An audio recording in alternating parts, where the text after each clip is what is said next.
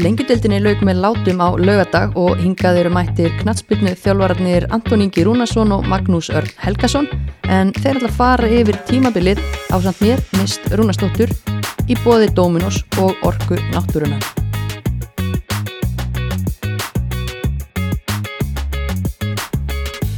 Jæja strákar, velkomnir. Takk. Takk fyrir. Hvað segið þið? Hvernig eru þið? Ég er nú bara helviti góður. Með nýjan samning, Anton. Já, með nýjan samning, tvö ári vasanum og, og síðlega vinstan borgar. Nei, ég. Alls ætl, já til hamingjum með nýja samningin. Var, var eitthvað annað í, í stöðinni? Nei, raun ekki. Þetta var svona verið að tala um og við fekk ár síðust tímbili og, og við erum að byggja upp okkar lið og við bara ágöðum að halda þeirri vegverð gangandi sem við Jónóli rauninni byrjuðum fyrir þreymur árum og með góðan kjarna og við ætlum bara að halda þeirri siglingu áfram Það er besta mál. Hvað segir þú Maggi? Hvað er, hvað er týtt á þér? Það er bara, bara allt, allt ágætt, sko. Ég, hérna, náttúrulega verið tíma mínum í að, í að fylgjast með svona ungum og efnilegum um knaspindukonum og, og reyni að aðstofa þær við að stíga sér fyrstu skref í, í landslýsungverinu uh, og, og svona þess á milli að þá kannski horfum maður á einhverja meistarlásleiki og, og hérna og já, reynir svona að fylgjast með sko Já, einmitt, það, hérna, þú ert með undir 15 ára lið og hæfileikamótuna, ekki satt? Jú, það passar, það er kannski ástæðan fyrir að maður getur loksins gefið kost og sér eitthvað svona þátt þar sem maður er ekki að fjalla um þá leikmenn sem maður er að, er að hérna, velja í liðin hjá sér því að ég er með þessa yngstu núna 2009 og 10 og bara jável og 11 síðan í, í vetur þannig að hérna, já, það er, það er e, mitt, e, mitt starf núna Já, og margar ungar, einmitt að fylgjast með. Er margar að spila í meistarúlokki í þessum árgöngum sem þú nefnir? Nei, og, og, og það er nú bara held ég ágætt því að þær eru hérna 13 og, og 14 ára 12 ára núna uh, já það var nú vísu einn sem að hérna þú verður vantarlega yfir og eftir í, í, hérna, í stórleiknum á lögadaginn sem að letið sín taka en og svo eru sumulegis hérna, stelpur í, í venslaliðunum í annari dild en, uh, en annars eru þær bara í fjóruðaflokk, þriðaflokk fjóruða kalla sumar og, og hérna og bara að standa þessi vel sko. Þetta eðlilegt að, að svona kannski efnilega stelpur fari snemma upp í meistarlokk en það þarf líka að passa sig á að flýta sér ekki um mikið Einmitt, flýtum okkur hætt, en þú talar um Seldiðanessi, við verðum náttúrulega bara að byrja þar, lengjudildin, hún kláraðist og það var dramatík, heldur betur þegar að já, gróta tók á móti fylgi bara í reynum úrslita leik um það að komast upp í bestu dildina. Maggi, þú ert náttúrulega gróttum aður í grunninn. Hvernig leið þér að vera á við valdivellinu með allan þennan mannfjölda í bóng og blíðu? um, Já, það er alveg rétt, ég er gróttum aður og, og þetta var alveg þetta var alveg ótrúlegu dagur í raun og veru sko. Og, og, og já, ég maður svo sem fyrir leikin, ég menna það var gæt allt gerst einhvern veginn en, en svona bara þetta þessi viðbörður einhvern veginn að var í leikur í næstjástu deild á manns gamla heimavelli allt undir og, og í- 800 manns á, á vellinum einhvern veginn, þetta var hérna og svona þegar maður lítur tilbaka þegar maður, maður var að byrja einhvern veginn að þjálfa í grótu og það voru valla það var svona einhvern veginn verið að reyna að vera með kannski einhvern sumarfótbolta fyrir stelpur sko en, en að þetta hafi verið í gangi í síðasta lögða, það var freka magnað sko og já, magnað að, gróta sem kemur upp úr annari deild eh, fyrir tímabilið sé í, í rauninni fínum sens að komast upp eh, í loka umfyrinni. Anton, átti, átti þú vona því? Nei, ég er ekki fyrir tímabilið en það er bara spiluðu hörku bolta og, og eru í rauninni bara mjög vel spilandi stelpur í þessu liði og margar virkilega spennandi og góði leikmenn. Og Pétur náttúrulega þjálfa sitt annað tímabil og það fór að beintu upp og en að vera kannski nýlegar í lengju til hvenna og vera að spila svona gífurlega mikilvæga leik það er held ég ekki það frekar sjálfgeft og svona fyrirfram hefði mann ekki spáð þessu en, en með svona mitt tímabil hvernig það að vera að spila þá hefði maður alveg trúið að væri allavega í báratunum um það eins og mörg önnulið sem að voru bara að spila fína bolta sko. Algjörlega, það var hörkuleikur og áhörundu fengu nú heilmikið fyrir peningin ég byrjaði nú á, það, á því að lappa þann inn og það var eitthvað búin að vefja, ekki einhver, það var frökin Harpa búin að vefja grótufána, nei, treflu um, um hálsin á mér og þarna voru bublur og borgarar og, og fánar og, og trommur og, og stuð og læti og fimmarka fókbóltaleikur. Artfríður auður kemur grótu yfir og já, tinna brá markverðu fylgis fyrrum, eða uppalinn í grótu, kemur raunni vekk fyrir það að, að gróta fari með stærri fóristu inn í, í síðarháleikin Já, þessi byrjun á leiknum var í, í sjálf og sér alveg ævintýraleg sko því að, því að það hefði, gróta hefði að leikandi geta verið komin, komnar í 2-3-0 eftir 30-35 minnur sko en eins og bendir á að þá þá tinna bara á þekki völlin og, og þekki hvernig það verja markið þannig að já, hún sá, sá við þeim og, og já, það er einsmars fórista og, og svo tók fylgir bara þetta svolítið yfir Já, og, og fylgi með bara fín tök á, á síðraháleiknu komast þarna í 2-1 með mörgum frá Tinnu Harðar og Ernu Solveigu en síðan að því við vorum nú að tala um unglinga sem spil í meistraflokki Rebecca Sif Brynjastóttir nýmætt inn á uh, skorar þvílitt glæsi mark jafna leikin á 73 mínútu og þá er þetta einhvern veginn allt orðið galopið hérna aftur og ekki einn einasta sál rólegi í stúkunni?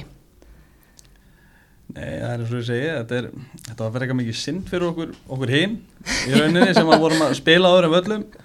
Að ná ekki að horfa á bara þennan úrslita leik en Rebecca, hún er kröftug, hún kom inn á mót okkur líka og ég spilaði mér þess að mótin í þegar ég var með fjóralf og kalla í, í vetur, hún skoraði þar tvö mörg og þetta er bara stelpa sem á virkilega góða framtíð fyrir sér í þessu og, og vera 2009 og koma inn á í, í svona leik er náttúrulega gífulega stort fyrir þig. Og hvað þá að ná að jafna leikin og gefa gróttu stelpunum alveg því lit líf. Og eins og maður segir, stúkan hefur öruglega bara alveg verið í sjokki. Algjörlega. En eins og segir meist ef við greinum hann að leika þess að, að, að þá, þá fannst mér gróttulegði verið að tala sér betur spilandi en, en fylgisliðið uh, en það sem síðan gerist er það að, að, að fylgir er með, með kröfturalið, líkamlega sterkaralið og það er ná einhvern veginn tökum að þeirra ná að mannakvort að múra fyrir spilið á grótu eða grótukonur einhvern veginn hætta þóri haldi bóltan þannig að það er ná að koma þá með fleiri fyrirgjafir og, og bæði marka 1 og marka 2 koma eftir eftir fyrirgjafir þar sem að, að fylgiskonur eru, eru mikið grimmar inn í teik þannig að, þannig að það er svona það er snýrið sem sér í hag svona á, á á þeim, þeim fórsendum og, og gerði það vel.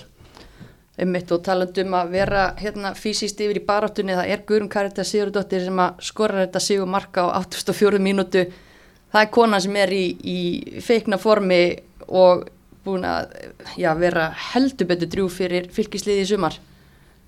Svindkall player Já, hún er, mætti segja, hún væri endakall. Hún klára sín færi og, og er bara virkilega góð og hún svolítið bar svolítið sóknarleikin hjá fylgiskonum uppi. Hún var alltaf mætt í bóksi þegar það kom fyrir ekki og hún þarf ekki nema eitt færi til þess að skora og hún náttúrulega var rétt á eftir hönnu í, í að vera markaðstilegmaður og maður sem maður segir, þetta er bara virkileg gæði og reynsla og gott fyrir fylgisliðið að hafa hana innan síns leis Já, já, ég held að fyrir tímabilið hafi mitt fólk ímyndið sér að manneskja með hennar gæði geti skorað örugla 15-20 mörg og, og hún enda með 15 og, og já, það er bara mjög erfitt við hann að eiga í, í, sérstaklega í, í, þessari dild þar sem að sem eru eðlilega ekki bestu miðverið landsins þannig að já, hún bara var held ég vel að því komin að hérna, að skjóta fylki endanlega upp um deild Akkurat og um mitt fylgir fer upp, það varð staðfest þarna rétt fyrir klukkan fjögur, eða þrjú var það reyndar á, á lögadag og uh, þetta er lið sem að bæði þjálfarar uh, og heimavöldurinn spáði fjórðasetti fyrir mót. Hvað af hverju er það að, að fylgir er að fara þarna upp og, og svona koma okkur þannig laga svo litið óvart með að við spárnar? Ég hugsa nú að en Gunni, hann er nú einslu banki í þessu. Og hann kom náttúrulega að kepla ekki upp á sínu tíma og svo var hann með svartabelti í því að halda þið uppi. Og svo bara skiptar hann yfir í, í fylki og, og hann feir bara í sína sinn leik í rauninni. Hann næra múra vel í, í markið og, og er svo með kröftu og stelpur fram á við og þeir sóttur hratt og, og bara í rauninni unnu sína leiki. Það er bara náðu að, að klára leikina voru lendu hann að meira segja fyrir austan voru þar í, í brasi snýri þeim leik við bara í setni áleik og svona mikilvægir sigrar hjá honum hér og þar og sterkir og með þetta fylgisli nokkri góðir karakterar í þessu liði sem að koma þeim alveg nokkuð langt en ég hugsa líkillin í þessu öllu sé svolítið gunnar Já, hann er allavega hókina reynslu. Já, ég, sko, ég sagði fyrir, fyrir tímabil þá taldi ég að það yrði svona aðeins eitt lið sem að myndi sem að væri, hvað getur maður sagt? Eitt lið sem væri svona mjög gott lengjudöldalið og að það væri vikingur og þannig að það væri einhvern veginn alveg opið hvaða lið myndi, myndi fylgja þeim upp. Um, flestir spáðu sennilega háká um, afturöldin kemur niður fylgir jáfær gunna með mikla reynslu og, og, og, og einhverja leikmenn inn og hérna og svo var, var einhvern veginn veist, það var alltaf eitthvað svona dark horse að fara að enda, enda í þessari baróttu sem endaði þá að vera, að vera gróta uh, og við til dæmis bara byrjum þetta saman við bara þess að 21 þá ertum við KR út með afturölding og FH situr eftir Akkurat. þetta er allt lið sem áttu í rauninni þetta fræga erindi upp um deild núna einhvern veginn finnst manni það bara verið vikingur og maður hugsa bara hva, hvað ætla Gunni að galdra fram þú veist á, á, á næsta ári því að fylgisliði bara með frábæra markmann, frábæra framherja Eva flott á miðjunni en, en, en, en svo hugsa maður bara, herru, wow hvernig, hvernig ætlaði að, hvernig ætlaði að höndla þetta í, í, í bestu dildinni sko. þú veist, sama í fyrra ást með F á tindastól og, uh, og svo náttúrulega frækt hérna þróttaralið sem að vinna dildina með 61 marki pluss 2019 og, og 45 stig sko. og Linda Líf sísonið goða heldur betur. Uh, meðan að Vikingur endur þetta með 39 stig. Tapa vissulega sístu tveim leikjónu þegar voru búin að tryggja þetta og fylgið 38, þetta eru fá stig til að fara upp uh, sem sýnir kannski að, að spátumum minn reyndist að einhverju leiti réttur, þetta, var, þetta annarsæti var mjög opið og, og já, Háká var hann að lengi vel en svo eins og Anton bendir á ef við fyrir maður þessi gögnin að í setna umfyrinni vinnur fylgir fimm leiki með einu marki. Já, já. það eru, eins og ég segi, það eru náðu að klára, ég hugsa sko að fylgisliði sé bara frábær liðsheild og það eru bara íslenskar stelpur í þessu liði og Gunni greinlega búið til alveg góðan kjarnar og með þess að leiki, eins og segir, setni umfyrinni að, að það náðu að loka þessu leikim að þegar þú ert í, í þessari barátu og, og svoleiðis að hver stig í rauninni skipti máli þegar að lítið til ræksins loks núna í lok tímabils. Og að, að þær séu í rauninni í bílstur á sætinu en samt í rauninni bara stutt frá því að valla vera í, í möguleika sko. Veist, þetta var alveg tímasvís mál þannig að þremur umfyrum fyrir lok bara hver er þið í þessari baróttu það voru bara, það var galopið fjögur-fimm lið sem að hefða alveg geta stungið sér hann upp með góðum úslitum og öruglega lið þannig sem að bölva sér í, í sand og ösku fyrir að ekki ná að klára sína leiki á, á réttum mómentum. Er þetta að tala um Grindavík þá? Já, meðal annars. Þið fóruð að, hérna, að gefa 50% afslætt af mörgum og svona komast kannski, já, koma því á eftir kannski. Já, það er, það er nú að segja um það. En, en hérna eins og með okkur á líka að, að þegar þú ert komin í þetta að eiga sjensin þá svolítið þartu vinnir mentalitið í þetta að geta og höndla pressuna. Og það er eins og að segja með fylgistelpunar að það er náða að höndla álægið í umferðanum og að höndla þennan úslita leik í rauninni á móti grótu og ég hugsa það er að bara farið svolítið á reynslunni og, og, og liðsheldinni hjá sér. Mm -hmm. Já það er sem að tapa óvænt fyrir grótu í lokalegnum í fyrirumferðinni og hérna og voru þá þriðja fjórasæti dildinni vinna svo afturhaldingu með einu í, í, í Mosó, vinna Káur með einu fara í Grindavíkjar í aftefli, vinna Háká 3-2, vinna Augnablík vinna fram með einu úti og tapa svo sem vikisleik ok, uh, og svo er hérna FHL og svo þessi úrslagleikur það sem að, já það bara það voru tvö móment í leiknum það sem að það leit bara út fyrir að gróta myndi fullkomna æfintýrið sko, bæði hann í byrjun í öllum þessum færum og svo var mómenti klála með þeim eftir þetta 2-2 mark sko að Guðrún Karitas afgreðir þetta. Þannig að bara ógeðslega vel gert hjá, hjá fylki. Þetta er greinilega eins og Anton bendir á sterk liðsild, það er stemning og, og Gunnar Magnús Jónsson sé hérna hann er einnig að sigur verið um sögursins Það má alveg segja það líka. Í rauninni að skoða tímabili frá því fyrra þá var fylgir bara í því að gera jafntöfli, ég held að það er gett átta jafntöfli eða eitthvað í það var rosalegt, já. síðasta tímabili en þau eru rauninni að snúa þessu við núna og er að klára leikina sína og ná að vinna þetta með einu marki. En í, í fyrra var þetta svolítið ekki að detta með þeim sigurlega séð að það voru bara í því að gera jafntöfli ég held að sé rétt sem er að þau hefur gert átta jafntöfli í 2020 og Nýju jafntöfli, gera jafntöfli öðru hverju leik. Já, nýju það maður Þetta er svolítið, svolítið snýst við það núna að ná að klára leikina sína. En hjá eitt sem þú sagðir að því að þú nefndir réttilega það eru engir erlendir leikmenn í, í rauninni í kórugu liðinu sem að fer upp ef við tökum Marju hérna út fyrir Svega sem búin að búa hérna á Íslandi fjölmörg ár. Uh, það er þó kannski mitt svigurum til þess að, að eiga inni þegar að næsta skref eru tekið upp í, í efstu deildina og, og væntalega þá eitthvað eitthvað eitthvað, eitthvað budget til fyrir slíku.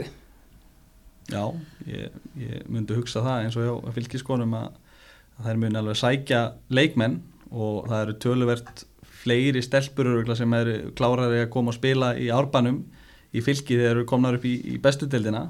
Og ég hugsa að það muni ekkit fækka góðum Íslendingum hjá Gunna og, og þeim í næsta tímabili. Og hann gæti alveg sótt ein, tvo erlenda leikmenn til þess að styrkja það. En hann gæti líka gert bara allu að góðum íslensku stelpum sem að vilja kannski færa svona set og, og spila með fylki í, í bestu dildinni. En er þetta tilviljun að, að það sé engir erlendi leikmenn í eftir temi liðunum eða Uh, sko Víkingur náttúrulega gerir óbóðslega vel í vetur þegar að sækja Selmu og Ernu. Uh, hefðu öll lið tækifæri til að gera slíkt til sama? Ég veit það ekki. Uh, það er náttúrulega vikingstenging hjá, hjá annari þeirra og ég veit ekki á hvernig, hvernig samningum þær eru en þó þær væru á einhverju sem væri nálætti að vera eins og útlendingar þá eru það allavega með liðinu allt prísísonið. Mm -hmm. þegar það er ekki að skaffa þeim húsnæði. Þannig að það eru þá ekki að koma í mars eða april og það bara munar um það.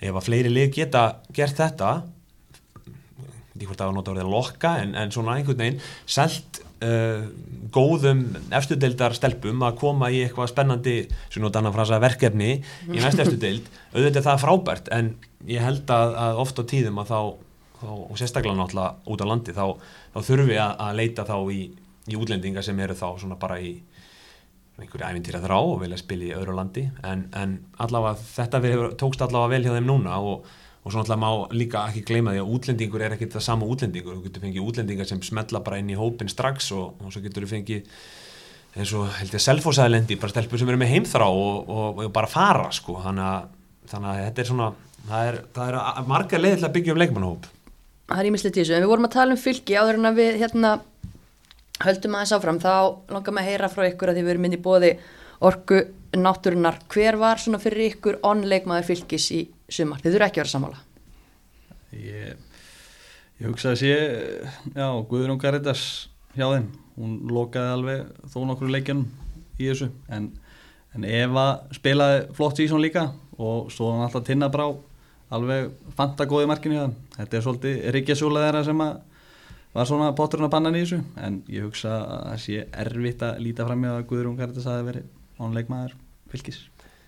Já, ég með þess að hann bera af held ég ég var náttúrulega frábæran spinn, spinnur í förstu leikadriðum og að, þeir voru að fá mörg á miðjunni frá henni þannig að, að já, það er erfitt að, velja sko. Ef, ef Anton segir Guðrún Kardars þá, þá segir ég auðvitað tinna.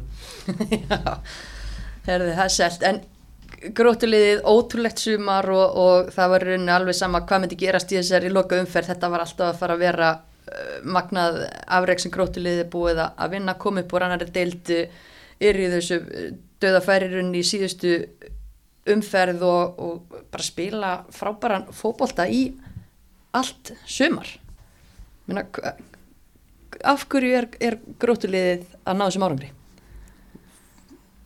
Ég hugsa að sé, sé svipaður kjarnin hjá þeim. Bara alltaf byrjuð uppbygginguna á sér í annar deildinni. Ná að halda Ari hjá sér, Anna Sísson hún var mjög spræk hjá þeim. Kraftmikil og, og góð. Og svo eins og ég segi, svo held ég bara að stemmingin þar hafi líka bara verið mjög góð í sumar á nesunu og í rauninni leikjónum og, og svo leiðis að, að að það er náða að krýsta fram sigra líka sérni hlutan áfram og í rauninni svolítið rannsóknar efni í rauninni hvernig það er náðu þremu stigum úr grindaðeginni í þeim leik. Það endaði hérna á einhverjum tekja mín það kapla sem komið tvær vítaspinnur og, og ég var, ég held ég að vera 1-0 yfir að færtust á fyrstu og, og, og fer svo inn í háluleikin 3-2 undir. Það var bara ótrúlegt. Og sáleikur skipti grótulið töluveru máli þegar uppið staði fyrir að spila úrslitaleikin en ég hugsa að það er fari langt á svona svipum kjarna og ná að halda útlendinginu sínum. Anna Sísson sem er gott og, og fari líka á stemmingunni. Það var svona, það var leikleið yfir grótuliðin og stelpur sem að bara maður sá að virkilega höfðu gaman að að spila fókbalta mm -hmm. Já, ég held að Anton að tala um hennar kjarna og, og, og þetta er það sem að kannski um, ekki öllum félögum text uh, eða, eða hugsa ekki nógu mikið út í það. Það voru, voru margar uppaldar að spila í kringum tvítugt. Þar voru líka að spila fyrir tveimur árum og þreymur og meðal þeirra liði fjall. En það er halda áfram og, og það er fara upp, eru reynslunni ríkari og þú þarfst ekki að vera búið til nýtt lið okkur einast ári sko. Það eru verðt með, með, með kjarnan svo er að koma upp kotnungastelpur um, og þú eins og Anton bendir á gera vel í, í, í útlendingamálum. Fá erum með eina á láni í fyrirumferð frá Breðablík marketilegu, svo kemur Kolbrá frá, frá Val þannig að ég held að samsetning leikmannahópsins uh, hún hafi verið svona upp á tíu hjá, hjá grótu og uh, og já, bara mikill, mikill sóknabolti sko, að skora mest í deildinni. En þú veist á móti kemur þá fá það rási mikið að færum og mikið að mörgum og, og hérna gaman að mæta og leiki hjá þeim. En, en ég held að sé svona einhvers konar, einhvers konar stöðuleiki sem að, sem að gera það verkum að, að þær komið svona hlaupandi inn í deildina Já, það var alltaf gaman að í vor ég var að spjalla við hérna gróti stelpur og þær voru eitthvað hérna, þegar maður spáði mitt sjötta sæti hérna bæða þjálfurum og, og heimavallinum og það var svona, já, ok, ok, ok. En svo ristuði bara hausinn og, og hérna það var eins og þau hafi ætla, alltaf ætlað sér ofar. Þú veist, vitum við eitthvað um það? Þú veist, er hérna hann var ekki talað um markminni nettu upphátt skilur komandi inn í tímumbilið en, en þær voru ekkit sátta við það að vera að spáða ykkur í sjötta sæti og endar enda núna í fjóruða en, en það hefði svo auðvitað geta verið reynilega annað. Eina sem ég veit að það er ætlað að bæta besta árangurin sem var sjötta sæti og 20, mann ekki, eitt steg eða eitthvað. Já. Svo getur vel verið að það hafi verið ennháleitari markmið en þetta var allavega þetta var allavega, veit ég markmið það að eiga besta árangurinn í, í, í, í ekki langri sugu 33 steg, 55 mörg skoruði átanleikum markastileikmaða dildarinnar Hanna Abraham hún er hérna góð við bót ansi drjúg. Ég minni líka bara hún að komi frekar senkt inn í þetta hjá grótu hún hef ekki verið komin alveg snemma því að það var ekki hún var held ég ekki komin þegar það voru að leika í, í lengjubíkanum mm, spila eitt leikenda síns mér. Já, þannig að þeir hafa dottið á góðan leikmann eða frábæra leikmann í rauninni, skora 16 mörgverðu og er í rauninni bara frábær í kerfi það þryggja manna hérna, kerfi að vera vangbakur skilaði sér helvít oft framalega á völlin og skilaði bara mjög góðu framlægi fyrir gróttustelpur og, og væri það virkilega stert hjá þeim eða næðu að halda henni. Markaðstu leikmaður lengildildinar vangbakurir Já, áhugavert Ég veit ekki hvort ég get tekið undir þetta. Ég myndi segja, ég myndi segja kantmaður.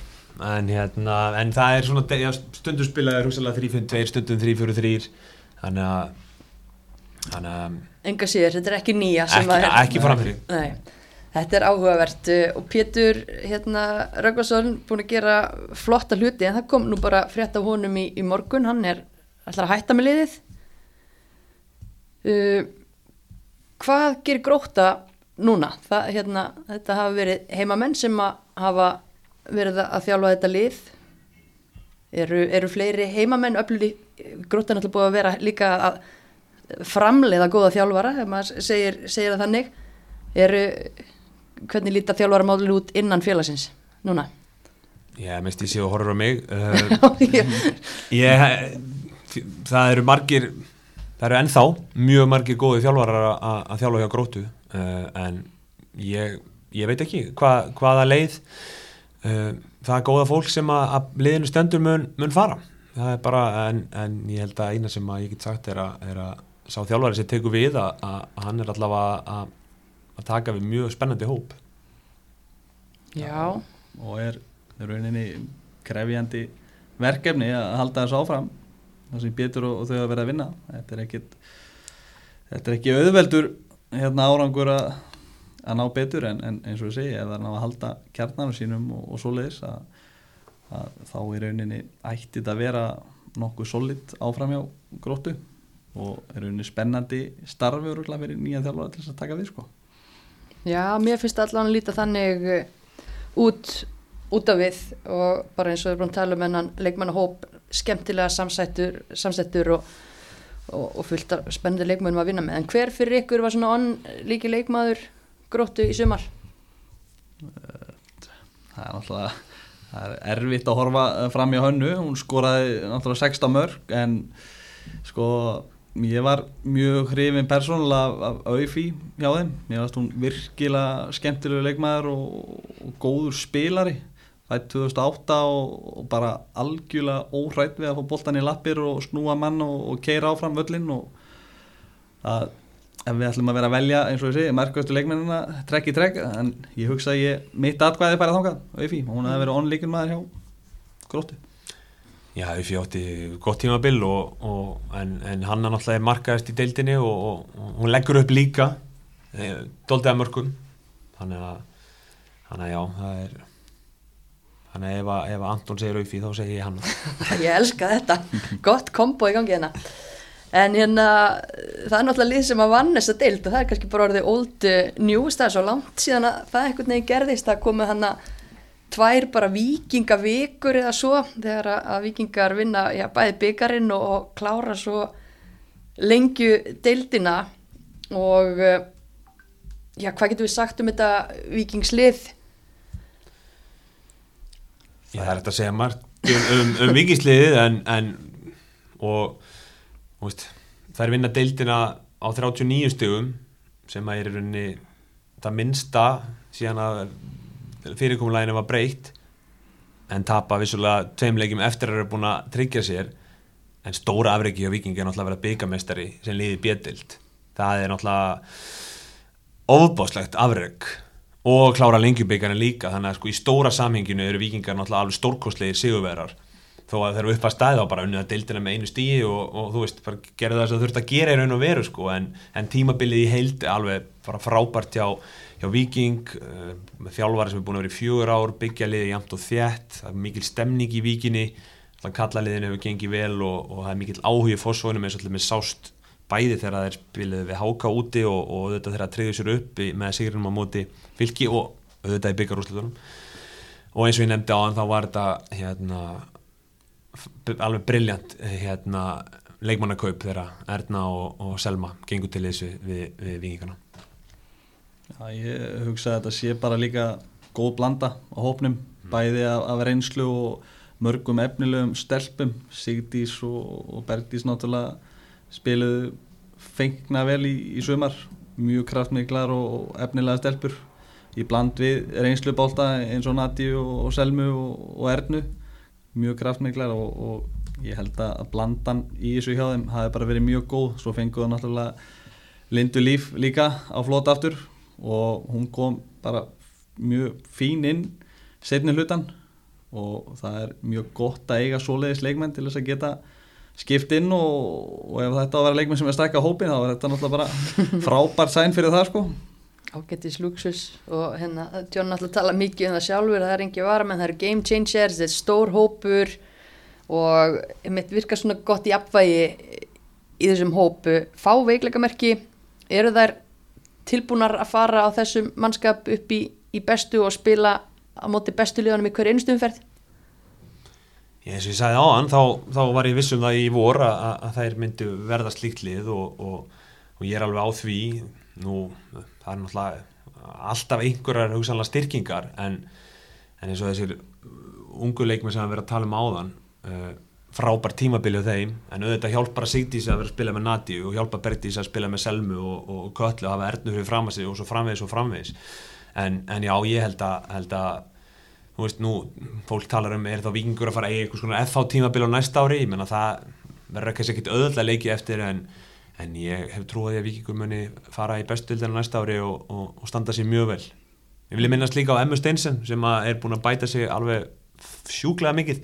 Sem bara spilaði eitthvað í hafsendi fyrra í viking og, og svona, veist, allt í lægi en bara, já, frábært tímabil sem hægir bakur og já, hún, hún getur spilaði í alveg lettilega sko. Hún var að fá verðskulda kalli í U23 landsliðið ekki?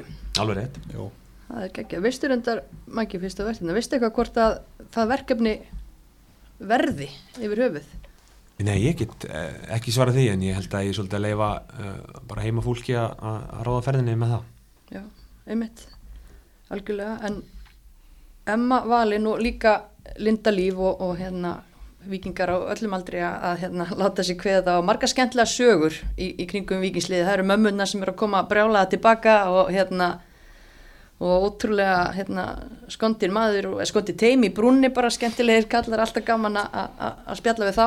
Reyndar háar orðrómur um að verði þjálfarbreytingar, hafið þið heyrt eitthvað meira heldur en hennan orðróm? Ekkert meira en orðið á gödunni sko. En eins og ég segi það, það væri stórt ef að John fengi ekki áframvaldi samninga með að við tímabili sem að fór núna í gang vera með að vinna í rauninni allt sem hægt var að vinna.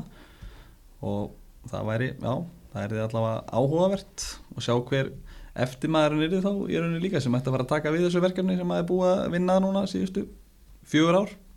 Mm Já, ég veit ekkit, ekkit meira en orðrúmin hef ég heyrt vissulega þannig að ég, maður bara það verður spennandi að sjá hvað gerist Já, en sama hvað gerist, það eru já, reyfingar, reyfingar og, og hérna já, Pétur hættur og, og uh, annað teimi tilkynnti að það væri hætt í dag koma því reyndar kannski á eftir að því að mér langar að spurja ykkur um onleikmann vikinga um, Ég held sko um, eins og hefur verið bent á að vikingsliði mjög jafnt og, og engi veikir lekkir og stundum steg Sigdís upp og, og, og, Nadia og hérna og uh, meðjumenninir og svo þegar vanta þá kom Frey inn og breyti leiknum en, en eins og við rættum hérna áðan að, að oft er kannski vantar svolítið svona dýftina í umfjöldunum þessa góðu deild sem lengjudildin er. Uh, og það er hægt að benda á, á hérna á ímins dæmi en, en, en eins og til dæmis þegar að vera að velja menn leiksins þá er alltaf að tala um bara eiginlega hver skoraði einstakar sinu markmannin þannig að ég ætla bara að velja hérna Ernu sem on leikmann vikings því að hún kom náttúrulega bara eins og stórnseipur inn í liðið og, og eins og beigarúsla leikur í síndi og hún bara miðvörur í hæsta klassa. Já, ég get alveg tekið undir þetta með þér, Maggi, hún bara stöðug í, í allt sumar að ég held. Já, spilaði mjög vel og er rauninni reynslu banki að gott fyrir vikingsvörnina að hafa hana inni og svolítið stýra liðinu áfram en ég held að líka í rauninni Selma hafi spilað mjög kröftugt sísón fyrir vikingana á miðunni og hún hafi svolítið tengt svolítið framlínuna og varnalínuna saman þannig að fyrst að Maggi tekur ernu þá verði ég að taka Selmi Auðvitað, auðvitað.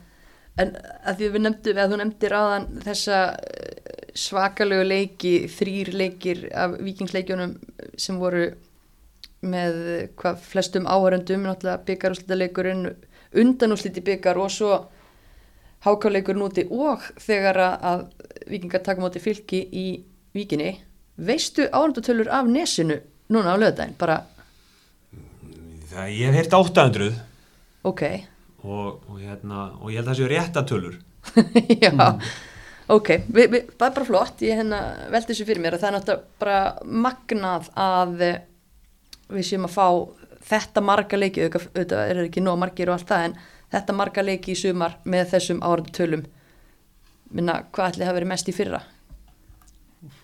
Ég man það ekki Æ, ég gerir mig enga greið fyrir því. Ég hugsa að sé getur örgulega satt helmingurinn sko. Í lengjudöldinni Já.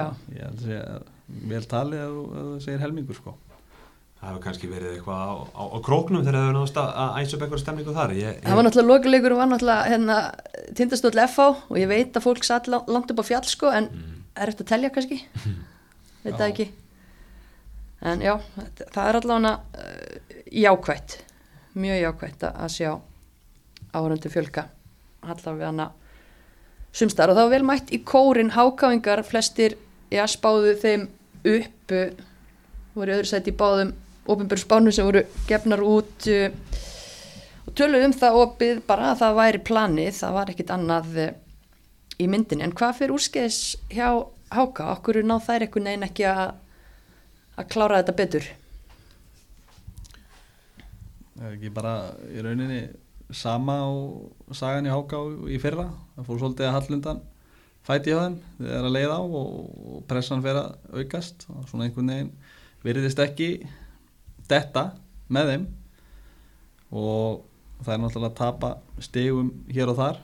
Það er komu í, á stakkaði eitthvað öll og, og töpuðu þar þreymur stegum og ég held þú veist fólk talað um Háká sem bara í rauninni væri bara kandidatanir að ættu að fara upp bara rétt á eftir vikingunum og þessi tölið þetta fljú upp en, en maður sér samt alveg töluverðan mun á að spila við vikingana og, og, og svo hákáðingana og eins og við töluðum nú bara um þegar ég fór í kórinu um daginn og hann skrítið að sitja hérna og segjast að það var að tapa 5-0 en mér fannst bara svona það er bakka svolítið á mót okkur í þessu og ef þú ert farin að bakka svona undir lók tímabilis eða þú átt að fara að sækja og, og svolega þá hugsa ég að sjálfströystið og, og svoleiði sé ekki alveg rétt gýrað í þessu hjá þeim.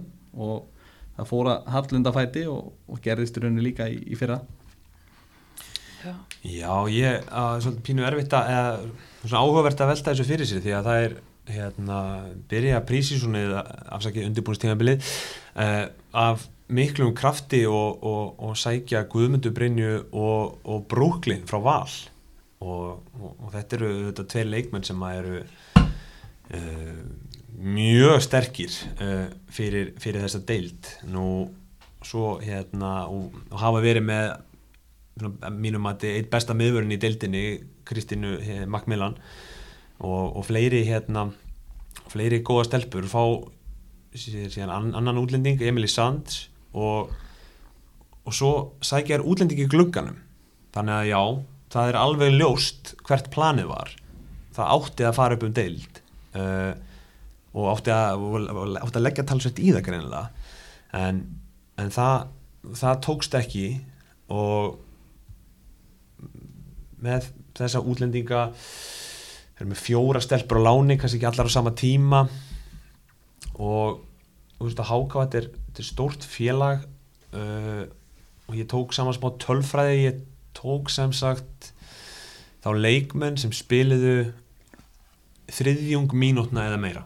33% mínútum eða meira. Þetta eru upplýsingar fengina frá KSI og hjá Háká eru bara tvær sem tvær uppaldar stelpur sem náðu þessum þriðjung. Katrin Rósa var að vísu bara einu prósenti frá því en, en ég er svona, svona veldi fyrir mér af hverju ákvað Háká að gera svona sterka aðlögu núna? Var það út af árangunum í fyrra sem var kannski dálítið óvæntur?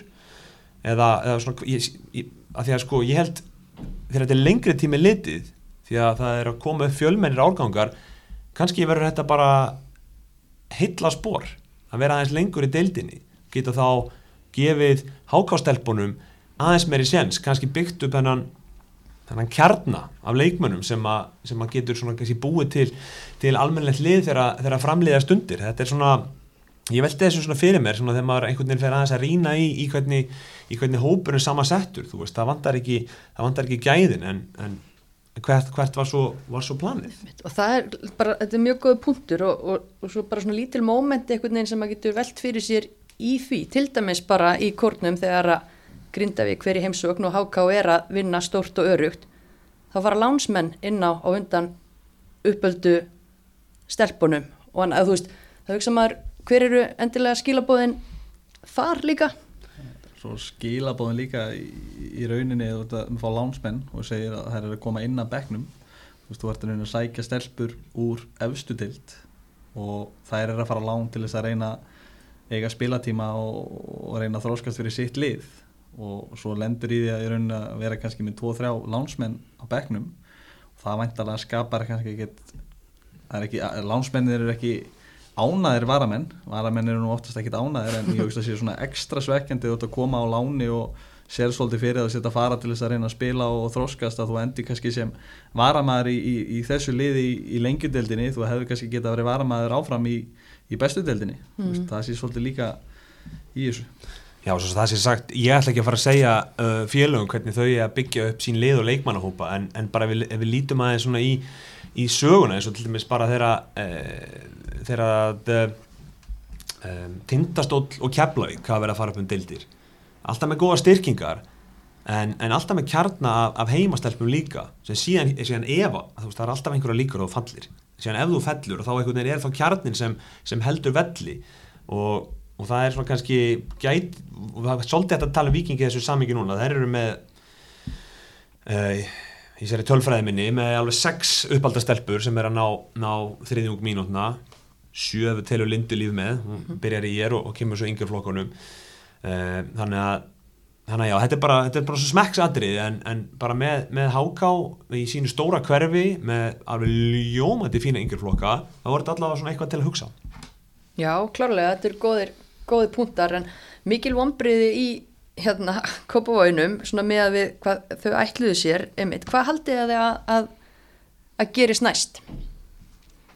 Ég hugsa að þau reynir nú bara aftur og þau töluðum það bara strax í, í vittalinn eftir vikingsleikinn að stefna væri bara sett upp á næsta ári og það væri skrið fram á þau hjá þeim og frá síðasta tímabili sem er jákvægt og en eins og maður segir með, maður ekki tala um, um kjarnan og við tölum oftast um kjarnan að ég hugsa að þú ert komið með 5-6 heimastelpur og byggir svo utan á þær að þá ertu komið með nokkuð svona sterka leysild í þetta. En ég hágáðingarnir fara ekki að leggja árar í bát, það eru bara að hugsa núna og tekna upp að nýtt hvernig þið getur náði í, í hérna hagstæðri úslitt Nei, algjörlega, ég meina Háká er, er, er félag sem að vil vera að nálga stóru félagin ef eitthvað er sko, þannig að þau eru ekkert að fara, að fara að leggja árar í bát og, og, og þau hérna hafa uh, tefla fram rosalega flottu þjálfarateimi uh, á, á liðinu tímabili. Og, uh, og eins og ég segi, búin að húsa yngir lokastarnu þeirra, þannig að, þannig að já, já, það verður bara mjög spennandi að hérna, fylgjast með, með Háká næstu ári. Einmitt, og, og það er ekki allir að vera neikvæð lið endar. Vissulega í þriðasetti er ekki langt frá þessu. Þetta eru er 35 stig og, og fylgir í 38 þannig að það er já, stutt, á, stutt á milli. Og, og margi leikmenn að gera vel. En hver fyrir ykkur var onleikmaður háká? Ég held að það sé Brooklyn. Já, hún var mjög öflug og frábæri fókbalta og bara já, virkilega góð leikmaður. Ég hugsa að sé ekki, ekki spurning. Já, nú ætlum ég að vera að sammála Antoni, hún er óbúslega hæfileikarík Brooklyn. Og, og vel að sé vikið af Háká að ná í hennu vonandi tekst þeim að halda henni en, en já, hún er klálega þeirra besti leikmaður. Hún er með samning, eða ekki, sömdu, er það ekki rétt um mér, sömduðu ekki til tveggja ára við Brooklyn þegar hún var kynnt í Jú, fyrir tímabili? ég hugsa að hún sé með tveggjara samning. Já, það er ekki skráðið inn á vefnum en, en ég hef hýrt þetta líka. Þannig að það er, er hérna það var í stert Já, það var, var mjög stert og, og hérna ekki alveg tilbúinar í ári en, en til alls líklegar að, að ári. Um, Frettir í dag úr Mosó. Þjálfara tríóið líflega Alexander Aron, Rut og Bjarki þau ætla að hætta eftir þetta tímambil afturölding uh, já, endar í fymta sæti eftir fall úr bestu deildinni fyrra. Og já, þau ætluðu sér náttúrulega að reyna að komast beint aftur upp annað, annað væri skrítið. Það, það gekk ekki. Mm, og svolítið svona kannski bara rótaralegt tímabila að vissuleiti í Mosó. Já, þetta var hjá þeim þau ég bara býst alls ekki við að þau hafi ekki ætlað að fara upp. Þau ætlaðu öruglega að bánsa bara beint aftur upp í bestu deildina og, en það tókst ekki. Byrjuðu náttúrulega í, í svolítið brasi og ef ég sé ekki fara með rétt mál þá hafði þau fengið útlendingarna frekar seint inn. Þau komu hérna einhverja tilkynninga bara rétt fyrir fyrsta leik náðu þær í, í, í þrjá nýja leikmenn held ég. Og það tekur oft tíma að slípa lið með því og er búin að spila á sama liðinu og allt undirbúinsibilið og svo poppa inn þrý nýju bara rétt fyrir mót. Það, það kannski hefnaðist ekki alveg jafnvel og, og þau ætluðu sér. Nei, lenda líka í áfallið ekki rétt fyrir mót er hún meiðist Kristín Þóra. Það er ekki rétt fyrir mér? Jú, það er svona, já, þetta var alltaf svona óli og steila fannst mér ansi stuttu árnumóti var flautaða hvernig, hvernig það myndi allt saman líti út. Já, það gekk vist mikið á hérna á, á, á bakvið tjöldin og, þegar maður fer í Mosulbæin að, að þá að þá heyrir maður að, að það hefði svona eftir bestu deildar árið að, að það hefði hérna verið svona einhver einhver, einhver peningavandræði það var eitthvað sjálfbóðaliða drama og ég held að allir hafi svolítið verið þjálfandi stjórnamaður hérna fyrstu, fyrstu mánuðu undirbúnis tímabilsins og, eh, og eh, já, einhvern veginn náðu þau að, að hérna allavega að tefla, tefla fram liði og, og áttu svona sérstak tímabil. Ég meina þeir eru eina liði sem vinnur viking áður en vikingur eru búin að vinna deildina en eru svo að tapa, tapa stígum hér og þar en, en hérna en þetta hérna var það gekk mikið á í, í, í Mórselsbænum ég held að það svona allir sem hafa kynnt sér málið eh, svona hafa fengið það mjög sterklega á, á, á tilfinninguna. Þannig að komi ykkur ekki óvart að sjá kannski þá tilkynningu í dag að það eru breytingar þjálfara teimi? Ég veit það ekki ég hef alveg getað trú að getur tekið allavega eitt tímabili viðbót en, en alltaf eru hvað búið með þrjú ár þetta teimi og ef þau ætla að hætta núna þá bara já, bara þannig sé góð tímasetning líka ef þið finna það sjálfa að þetta sé endapunkturinn eins og allir talaðum það er að fara að skora svolítið meira sjálfur kannski hann talaði eitthvað að það.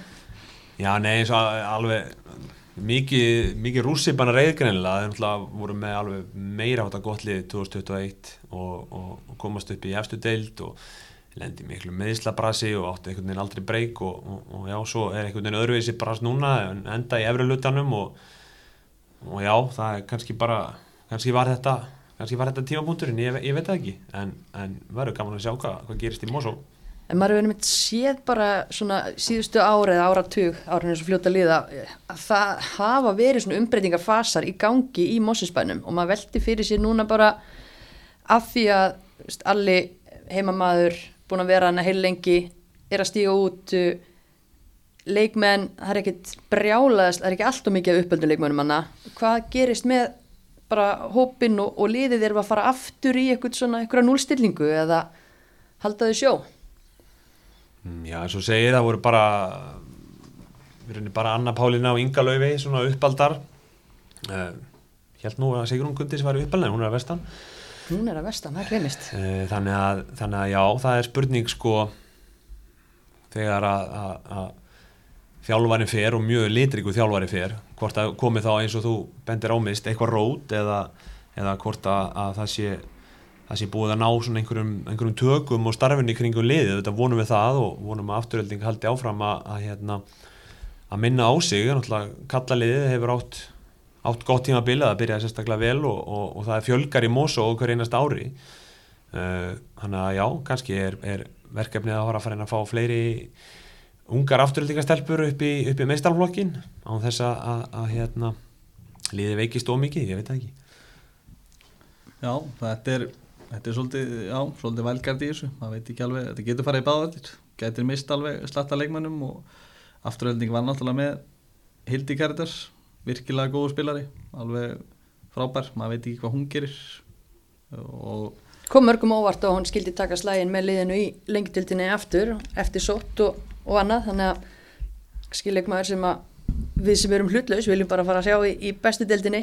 Já, já, það er alveg, og hún hefur klálega gæðinni þar sko og hún spilaði í rauninni fanta vel þetta sísón, skorar einhver áttamörk eða eitthvað og, og er í rauninni svolítið heilinn í, í hérna afturöldingarliðinu.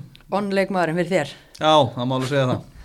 Já, ég, hérna það var líka hún Hlín uh, Hlín Heiðarsdóttir uh, hún er mikil týpa og, og hérna það var kraftur í henni og, og, og svona já, kom sterk inn í, inn í liðið.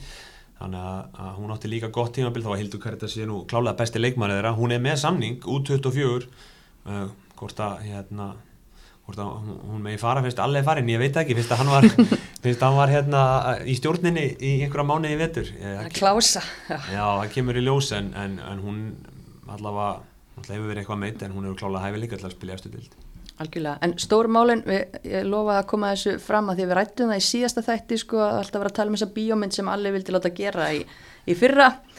Og við vorum að reyna að finna út hver myndi leikan í bíómyndinni. Heilin og okkur öllum fröysirni í síðasta þætti og okkur þetta ekkert í hug.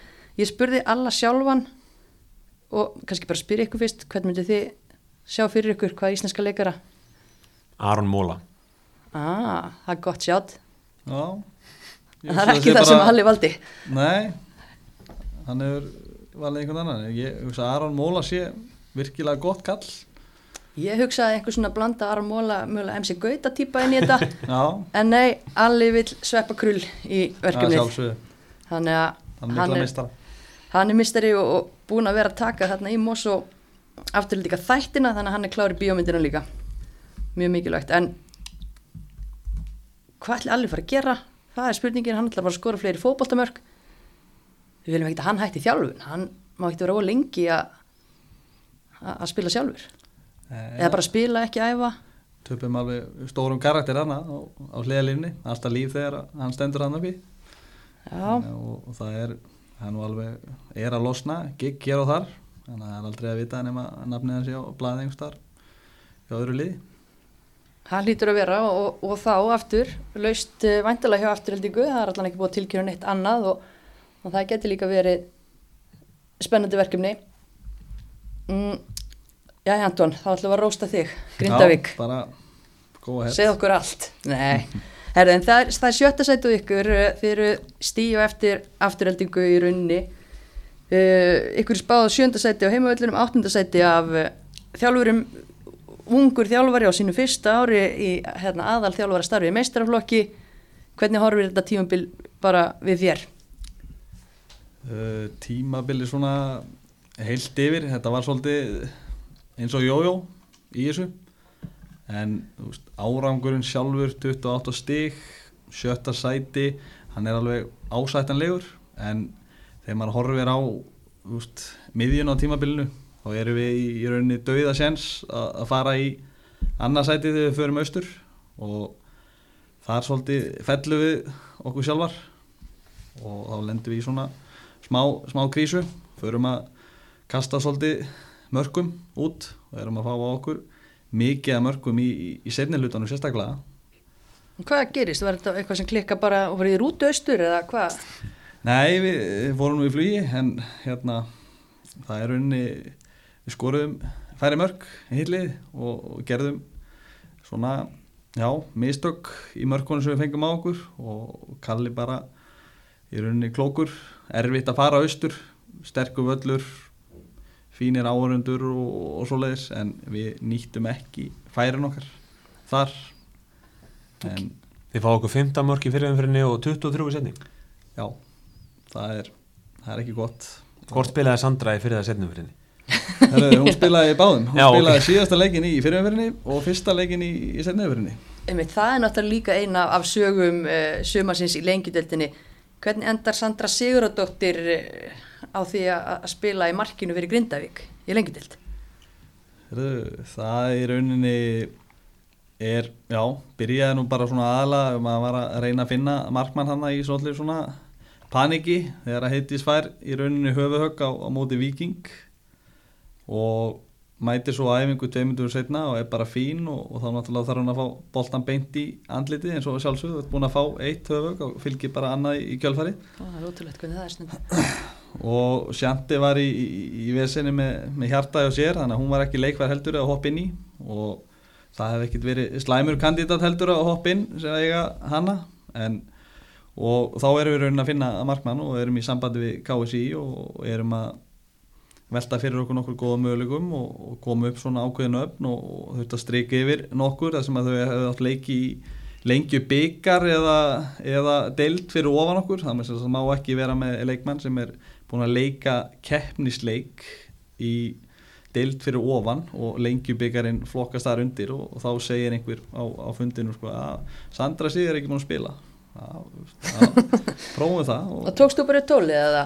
Nei, við, hérna formaðurinn, hann, hann ákvað að ringja og það er, það er djúvill erfitt að segja nei við hann. Hann næra sannfara mann og annan með öllu og hann tók upp tólið og, og svo ringir hann bara hvað kortir í setna og segir, hún er klárið þetta, hún er til. Það tók ekki lengur tíma en kortir að samfara söndur um að fara aftur í hanskana. Nei, nei, ég held nú að hafi nú svolítið kýtlað hana líka að byrja aftur að spila og þetta hafi verið gott tækifæri að, fá tvo leiki og, og hjálpa okkur og, og bara kemur inn með náttúrulega risa prófæl og er bara einstakur karakter og það var bara lifti í rauninni grindvísku fótbalta töluvert herru upp, fólk mætti hann á, á völlin og ég held hún að það verið einhverja 40 mínútur eftir fyrsta leikin að skrifa áreindanir og krakkarnir mættir og þá hófst einhver svona skrif áráða hann í Grindavík og menn mætti með penna og leiki að fá áreindanir frá stelpunum og, og þetta var, já, gerði bara grindvíkingum virkilega gott Já, það er geggjað því spiluðin í gang og nú erum bara komin í landsliði aftur. Þetta er fljótt að gera maður. þannig að þið viti hvert þið er leita einhver vantar að komast í, í landslið og komið í Grindavík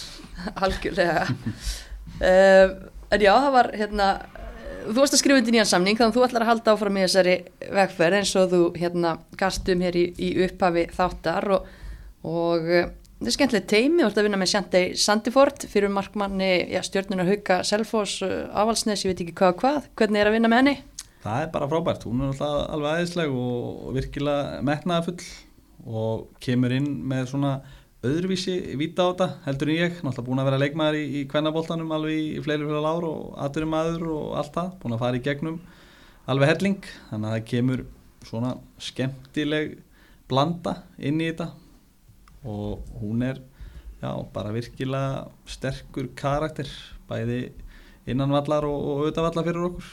Mm Mörg skemmtileg hérna, þjálfara að gengi í, í þessari deild en talandi um samsetningar á, á liðum mérna, það er svolítið vinsalt að fá tvíbura til grindaugur, hef ég tekið eftir gegnum árin. Já, já, það er að komið nokkrar þannig að við tókum einmitt Kolbert sýrtunar fyrir þetta tímabil eða við tókum reyndar aðra þeirra fyrst og, og svo lendum við náttúrulega í því að við tókum Mó inn og hún var búin að æfa með okkur hann í einhverja tvær vikur og er svo að spila sinn fyrsta leik og það er á, á, einmitt á vikingsvellinum spilum hann í mínus 10 gráðum og einhverjir vindkælingu og það sást greinilega og þeim leik hvort liði væri vandi að vera að æfa úti eða, eða inni.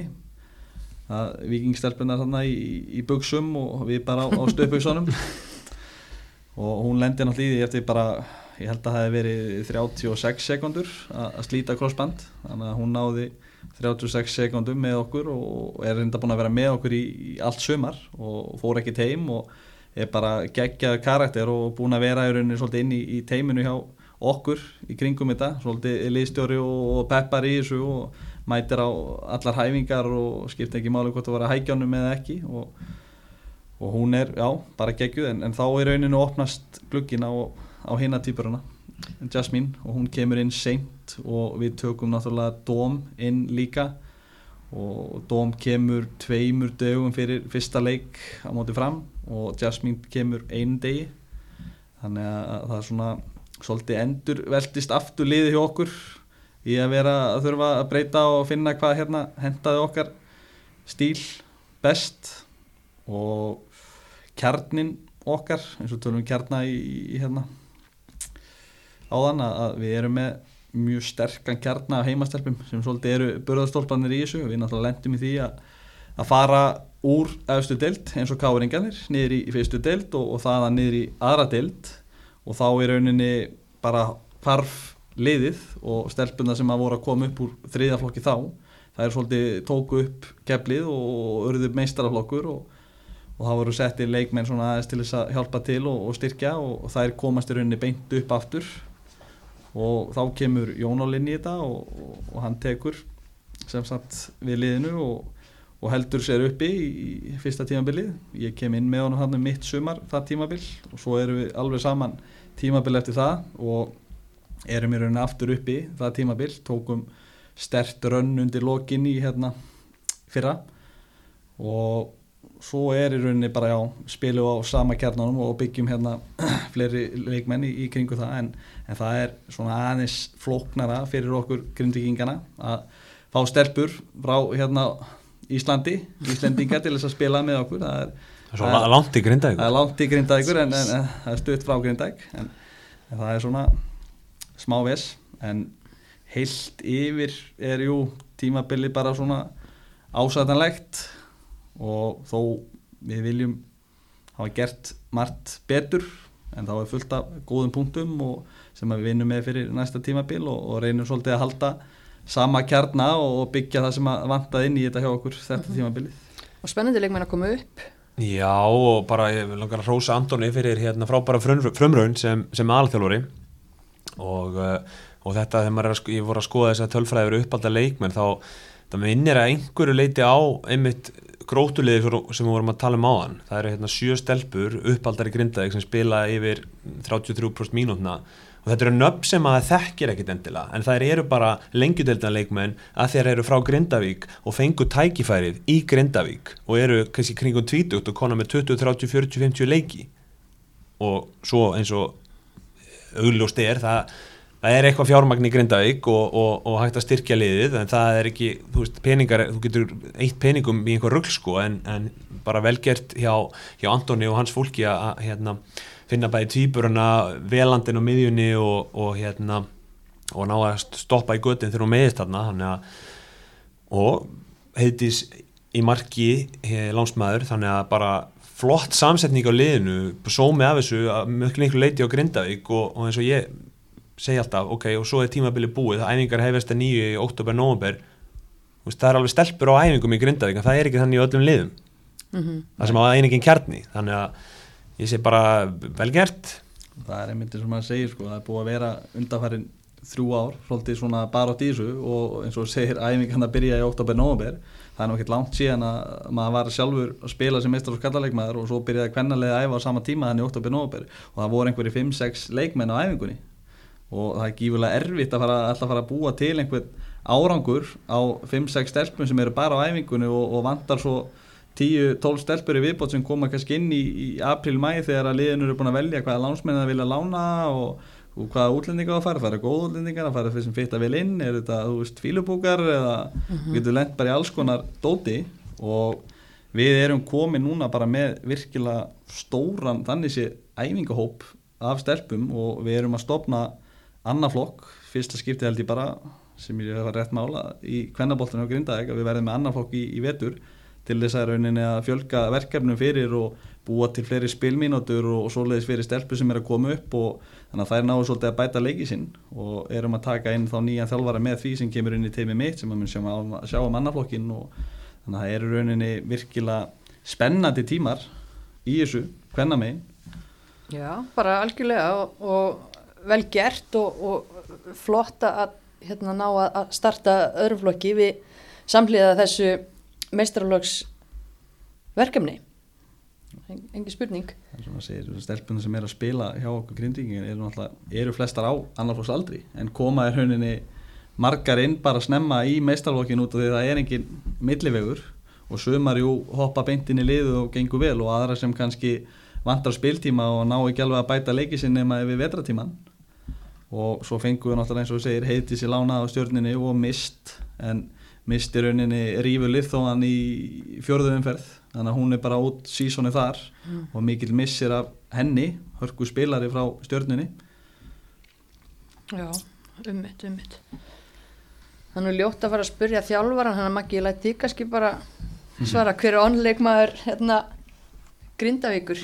Já og ég var að tala um uppöldu stelputur áðan, stelpur sem að þekkir ekki nöfnin, þetta er náttúrulega ekki bara þannig, er náttúrulega Helgarud er, er hérna 16 ára og er uh, að spila í miðverðinum alveg svo herfóringi og, og ef ég maður rétt að þá, þá er hún, hérna, var hún tekin inn í 19. landslið núna í síðustu viku Akkurat. sem er þá 05, nei, jú, 05 og 06 stelpur, hún er 07 þannig að hérna, það er líka svona svo kallega gæðaleikmenn hann þannig að uh, en ég, ég er vel miðjumannin, veland hún er þrjusugóð og, og hérna og já, ég sá einmitt hérna Grindavík uh, vinna grótu á, á, á, á nesinu í fyrirumferðinni og gríðilega vel sett leikur sem vel settur upp. Anton greinlega búin að svona þess að stúdira grótulið og, og hérna og, og, þær náðu að, hérna, að vinna þær á mjög svona uh, eftirmillega impressive hátt. Þó að gróta hefði síðan en maður hefði nú aldrei gíska á þetta síðan það myndi gróta að fara í einhverju súld og, og vinna í Grindavík á, á hérna þungu grasinu. Og það var að samanskapi alveg, það var svona kannski svona karakterbuilding leikur og móti fyrir grótu sko en, en, en svona getur þetta verið, verið skemmtilegt. En, en hérna en já, Grindavík spilaði marga mjög góða leiki í sumar. Roll sumar hjá ykkur, svona Já. ups and downs og alls konar. það var allir fjandinn í þessum að þetta var alveg hörku gott en eins og segið með Helgu mjög efnileg stelpa og, og fætt 2007 hafsendum, mikið tröst virkilega góð, bara virkilega efnilegur hafsend sparkað með hæra á vinstri og, og er bara mjög kröftu og er kölluð í U19 landsliði sem er frekar stórt fyrir hana, hún fætt 2007 Það er sem að bara segir svolítið um að, hvernig hún hefur verið að spila í sumar og hún í rauninni meiðist fyrir tímabilið, já, Magga í, í landsliðsverð og tekur, þú veist spilar ekkert með okkur. Fyrstu fjórar umferðanar, fær svo í rauninni hvað, 25 mínútur eða eitthvað á móti í 50, svo kemur hún inn í, í byrjunarliðið á móti Gróttu í þeim leik. Og þá hefst í rauninni sigur önnið okkar, þannig sé. Þannig að það má alveg segja að Helga hafi verið mjög mikilvæg leikmaður því að við tökum hann einhverja fimm leiki í röð þegar hún kemur inn. En svo eigum við líka, eins og við segja, Júliu Rán sem er líka 2007 model og hún spilaði í rauninni dundur vel sjálf svona frekar lítið þekkt nafn í þessu. En bara stelpa sem að þú veist, hún er ekkert að spá í, í, þessu, kringu sig, hún bara leggur sig 100% fram og er virkilega öflug. Þannig að það eru margar öfluga stelpur að koma upp. Já, Maggi, hvetjum við ekki bara fólk til að mæta á Grindavík leiki næsta sumar, þó það sé ógislega langt að kera alla leið til Grindavíkur. Jú, ég menna við erum búin að peppa Grindavík svo mikið að ég held að það sé bara að fara að vinna dildina á næsta ári, það gefur ekkert ekkert annað til greina. Það er bara nákvæmlega svo það er alltaf nóg að sætum í stúkunni. Það er bara þannig, en svo er það framararnir sem endi í sjöndasæti.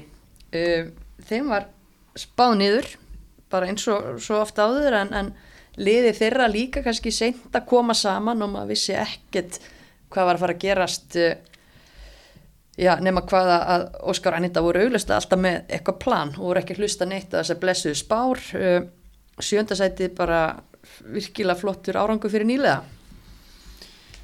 Já, og sérstaklega bara ljósi lengjubikarsins Þar var náttúrulega framleiðið í mjög miklu basli og, og uh, já, eins og þú bendur á, voru ekki búin að finna út úr því hverja er þetta að spila og annað þannig að það, það hefur vantilega verið markmið hjá þeim að halda sér uppi. Það tókst frekar öruglega og, og, og það bara það var vel gert.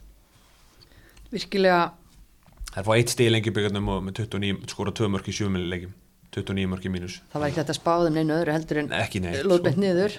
Það er bara þannig en, en þú veist, af hverju er liðið sterkara heldur en að fólk átti vona á, er það bara þú veist að maður átti vona á því að styrkingarnir eru alltaf góðar, það hafa verið nokkuð solid?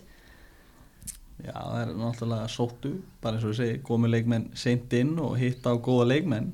Og framarnir eru núna þessu tímabili vill ég meina séu líka svolítið óhefnar í þessu því að það er rauninni missa markmanni sinn út, hún spila bara tíu leiki og, og, og þetta er pottitt besti markmanni deildarinnar, alveg 100% þvílíkt öflug og, og svoleiðis.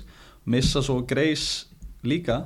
Ég held að hún hafi bara leikið einhverja sex leiki eða eitthvað í, í, í frambúningnum sem er áfall það að missa tvo póstar sem áttu svolítið að vera burðapóstar í, í liðinu. Og svo er að fengu þær Brúk sem að var mjög kröftug fyrir þær, virkilega góðu spilari og, og Alexa á, á miðjuna. Þannig að liðið er að svolítið gjör breytist að þannig sé frá lengjubíkanum og erfitt að marka lengjubíkarinn hjá liðunum sem að eru að sækja útlendinga því að þú veist ekkit hvað þú færð og, og hvernig það verð eins og við farið yfir en áður sko. Mm -hmm. En einmitt, uh, gríðalegu skellur að tveir af, af, af þeim leikmunum sem að púður er sett í að, að eiga að vera svolítið þínir liklar detta út. En það er líka bara karakter í þessu liði. Maður svona var ekki alveg viss svona komandi inn í sumarið maður hefði séð það aðeins bókna og, og brotna á, á tímpunktum en, en þær voru bara ólsegar svona þegar að leiða á eitthvað neginn Já, ég menna það eru til og meins eina liði sem tapar fyrir augnablík og uh, og já, fóru ekkert eitthvað sérstaklega vel að stað og, og kannski út af því að það var uh, liði var, var lengi í, í mótun en, en uh, já, bara það er síðan náði úrslitt hér og þar og, og, og þjálfvarðinni náttúrulega eru hérna, eru mjög kveitjandi og einhvern veginn trúa ég held ég alltaf að þau séu að fara að vinna sko. Og bara náðu þessu markmiði sínu að halda sér í deildinni með, með glans. Nú hins vegar náttúrulega veldi maður fyrir sér hvert framhaldið er.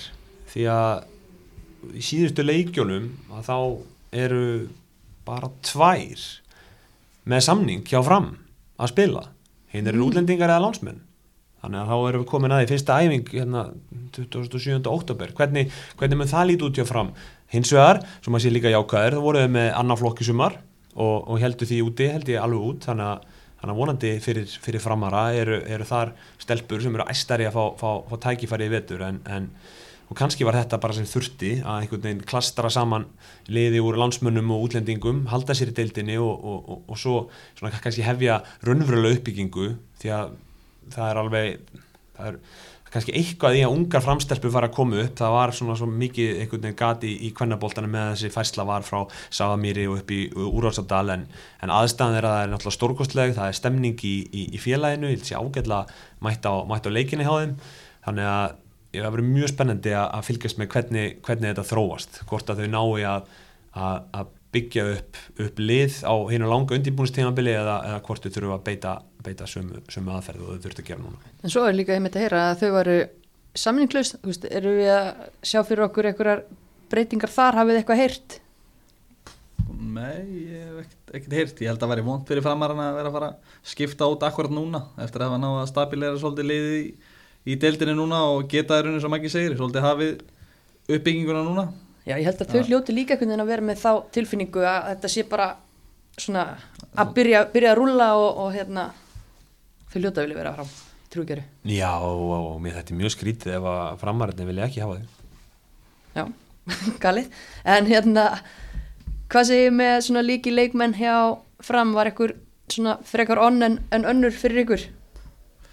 Uh, ég, ég ætla að segja margmæðurinn hjá fram að það sé leikilegmaður þeirra og, og, og hún spilaði bara tíu leiki en leikinni sem hún spilaði hugsa ég að framarinn hefði náði þó nokkuð stygg Já, ég tekundi það, hún var, hún var mjög öflug. Já, ætlu, vitið eitthvað hvort að hún hefði huga á að, taka jæfnvel annað tífambil hérlendi svo við getum kannski fengið að sjá aðeins meira á henni? Ég veit að hún meiltist undir lokin veit ég. Alltaf sóttu markmann á neyðalánið ekki framarinnir Jú, nafna mín misti Eliasdóttir gaman að sjá hana allt í hennu hérna, nokkrum árum síðar mætti búrið það var allavega virkilega stert fyrir framarinn ef að næða að halda henni í búrinu sko. virkilega góður íþrótamaður og, og bara er rauninni mjög öflögu markur Já og, og hún hérna hvað er hún, Brooklyn eða ekki? hvernig byrjum maður þetta fram? El, El, Elena eða eitthvað El, Brooklyn er, er hérna sóknar. Já, neður meina sko og, og hún líka já, sko tala nú ekki um ef það næði að halda halda henni, hún hérna mjög mikilvægt fyrir þær.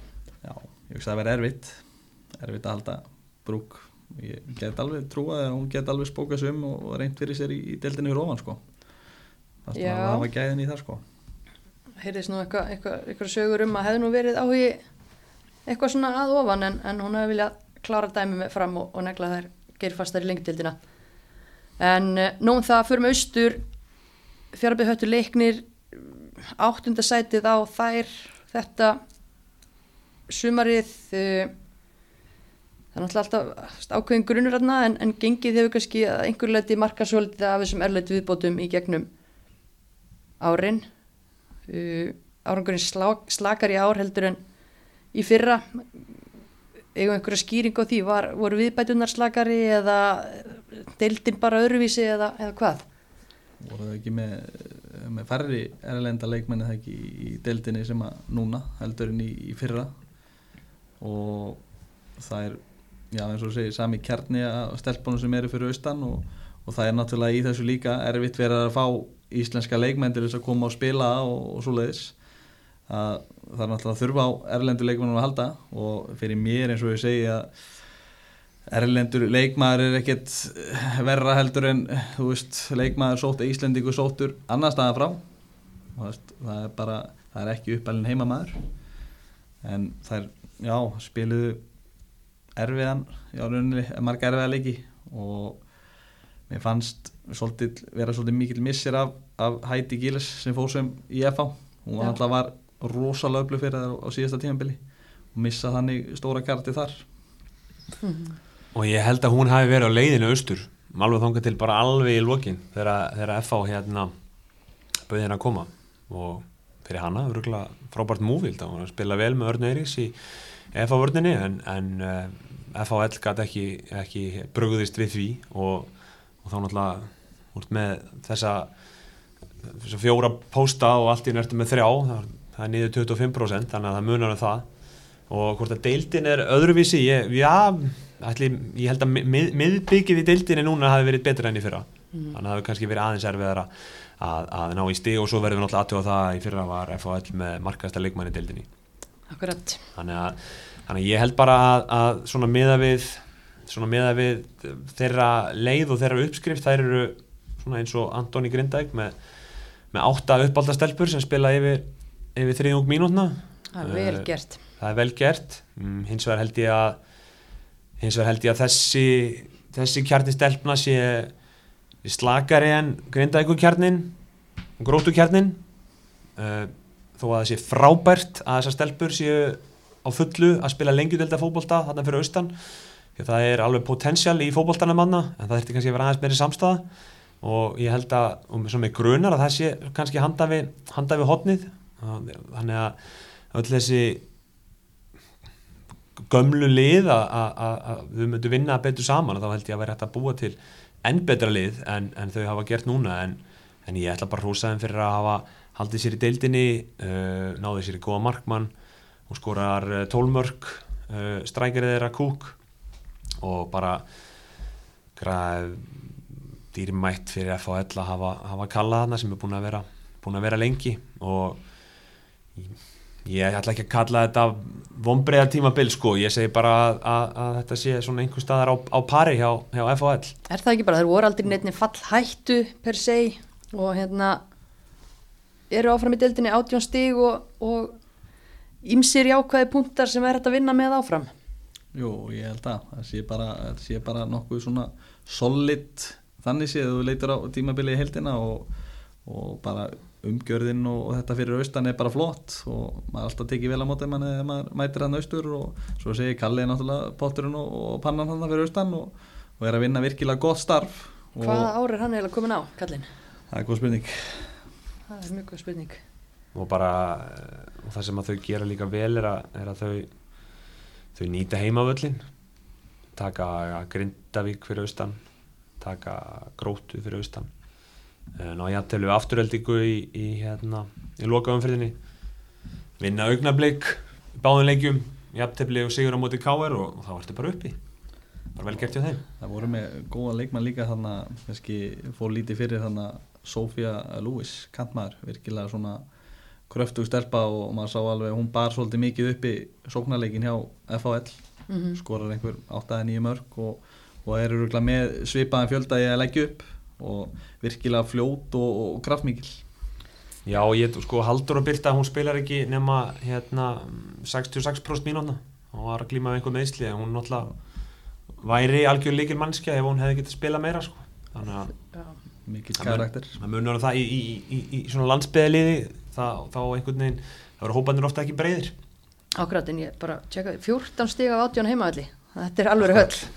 Það er vel gert, en, en svona er bara að nefna nokkur leikminn, hver er onleikmaður FHL, Ég ætla að segja Sofía Lewis. Þú veist á Lewis vagninum. Já, ég menna Cook, Natalie Cook skorar uh, hún skorar meirið þriðjungina mörkuna þeirra. Þannig að ég vel hana. Svolítið mikilvægt þar. En botbaráttin í þessari deild, hún varð aldrei spennandi og má eiginlega segja og, og hérna uh, byrjum bara í vesturbænum. Káringar fara niður um tvær deildir á tveimur árum. Bara mikið búið að ganga á búið að tala mikið um hérna, alls konar já öldugang bæði á síðast tímbili aftur í ár, þjálfaraskipti á miðju sísonu, þú veist, hvernig er þetta að læja öldunar í, í vesturbænum og, og af hverju var ekki brúðist við í hérna, því sem að í stemdi einföld spurning. Það er góð spurning. Það bara eh, veriðist vera eins og, káringarnir hafi bara ekki viljað horfa við því sem að blasti við þeim alveg í byrjun tímabils. Og það er rauninni fá öruglega 22 nýja leikmennin fyrir þetta tímabil. Og, og Perry kemur náttúrulega nýrinn og fær þetta svona verkefni með mitt eins og þú segir fáa leikmenn á yfir vetratíman og, og í byrjun og, og þurfti rauninni að byggja bara gjössalega nýtt lið frá byrjun. Og það er ekkit endilega eins og maður segir, það er ekkit endilega eins og einminu sé að farast ef maður fellur niður úr það deildir, það getur verið gott Já, þú getur reyndar alveg útskýrt það hvernig maður að vinna vel úr, úr því. vinna því að það þarf í rauninni bara eins og segið, það er bara er svolítið að stilla strengina saman og þetta var svolítið sterkja á þeim ráðningin á, á Pálma að sína og sanna að hann, hann er rauninni teku við og, gerir rauninni vel úr því sem að komið var hjá þeim og nær svolítið að vinna upp gengið aðeins. En, sem myndi þryggja ára núna. Já, sem myndir þryggja ára og sem segir okkur svolítið að veist uppbyggingin á að fara að hefjast og, og Pálmi á að vera svolítið fórustu maðurinn því en, en eins og ég segi þetta kom virkilega óvart hjá Perry að hann veði látið fara hana eh, mitt sömar og, og svo leiðis tók svolítið tíma að finna þjálfara og, og Pálmi tekur við en búið að staðfesta hann áfram þannig að það er rauninni lofar góðu fyrir káringana og káir náttúrulega risa félag en en högg fyrir það er að, að missa liðið sitt nýr í aðra deild og, og það er bara já verða svolítið að spilna sig frá botninum með því að endur hugsa hvað hvernig verður þetta skipilega starfið sitt? Já, Já, hann er alltaf búið að tala, tala mikið um K.R. allt frá þessari dramatík hérna undir lokin í bestu deildinni í fyrra og svo kannski eitt sem hefur ekki verið talað eins mikið um mikið verið talað um Perri þurft að fá 20 leikmenn og byggja um nýtt lið.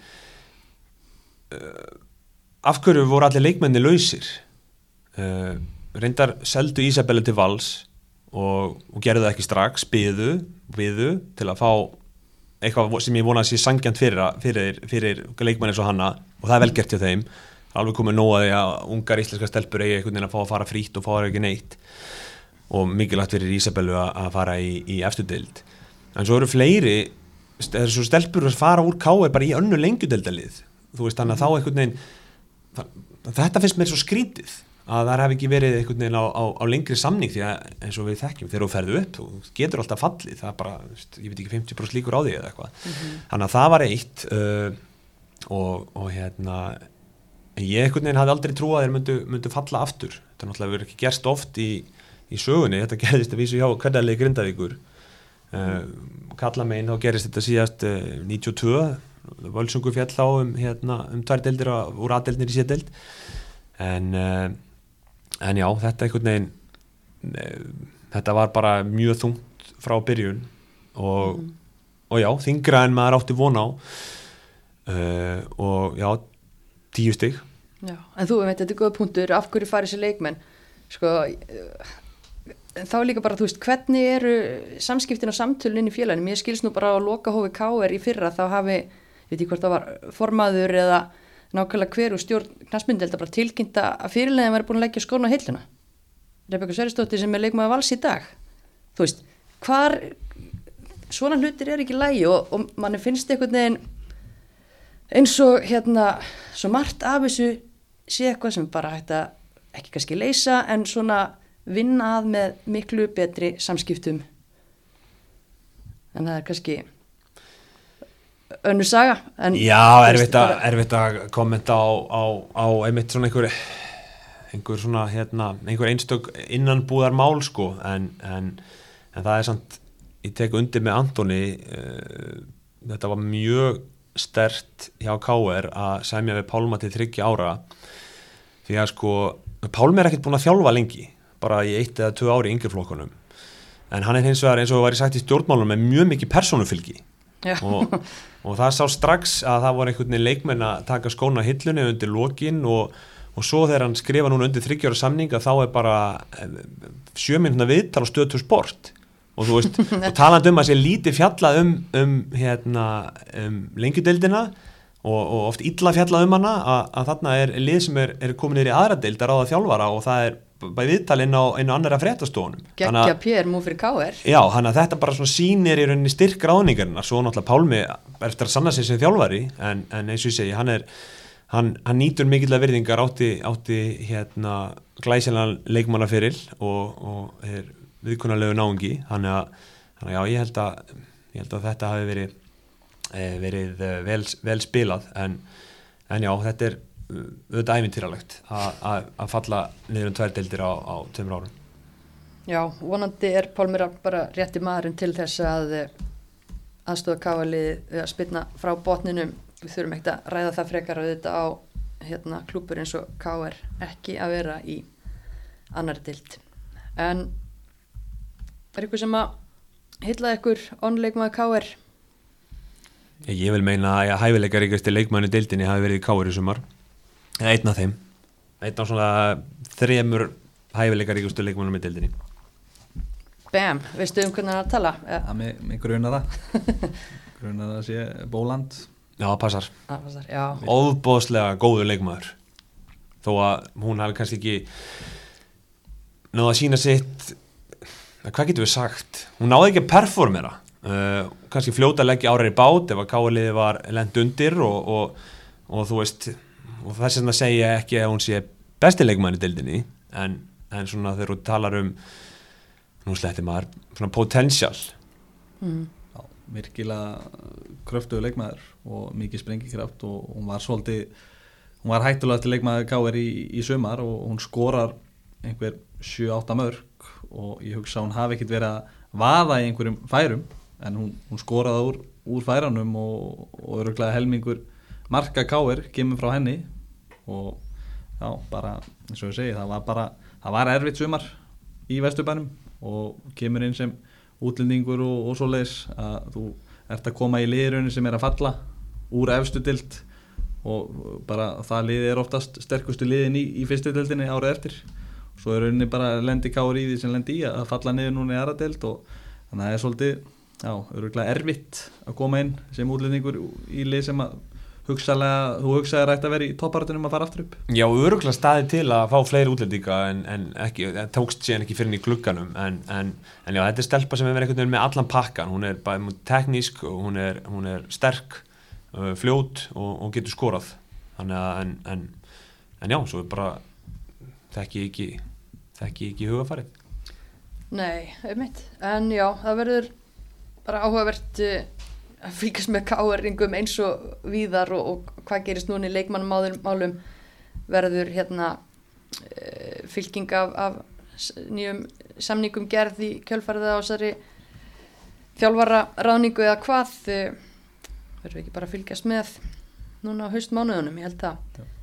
Uh, annar lið sem átti mjög erfitt uppdráttar augnablík það er enda neðstar byrjuð þetta reyndir alltaf leik gera jafntefli við hákaði fyrstu umferð erum með fjögur eftir fyrstu fjórar. En svo svona hallar enda fæti og það var já, tölvert af skellum og, og já, svona umtlið augnablíks í, í vandræðum. Já, en starfið þannig sé já, augnablik bara gott og hefur verið stert í gegnum tíðina. Margar góða stelpur sem hafa spilað þarna og, og er að koma upp úr starfinu að breyðablík og koma inn í augnablik að það sé ekki alveg kláraði að byrja í, í breyðablík og það var alltaf fóru slatti að stelpum yfir núna í glugganum þannig að þetta var svolítið þingri róður og svolítið kynnslóðaskipti í liðinu. Og en við spilum við hann alltaf núna í, í, loka umfriðinni og mikið að stelpum fættu 2007-2008 en eins og með augnablíka mér fannst mjög skemmtilegt að sjá að þeim að þær rauninni spiluðu bara fyrir sjálfa sig í þessu, það skipti einhver máli á móti komast að spila, það er bara að spila sinn stíl er að reyna stíl inn á að geta spila fyrir breyðablík og skiptir einhver máli hvort þú sér 2008, 2007, 6, 5, 4 hjá þeim.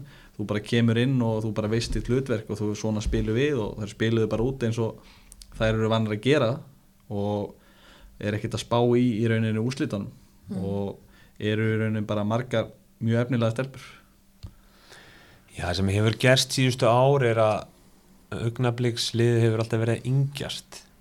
Og og, uh, og í bland við það hafa kannski þeir árgangar sem hafa verið að koma upp hjá breyðablík ekki verið einn sterkir og áður. Þeir voru kannski oft með bara besta liðið á landinu í sínum árgang og, og eru það kannski ekki alveg núna.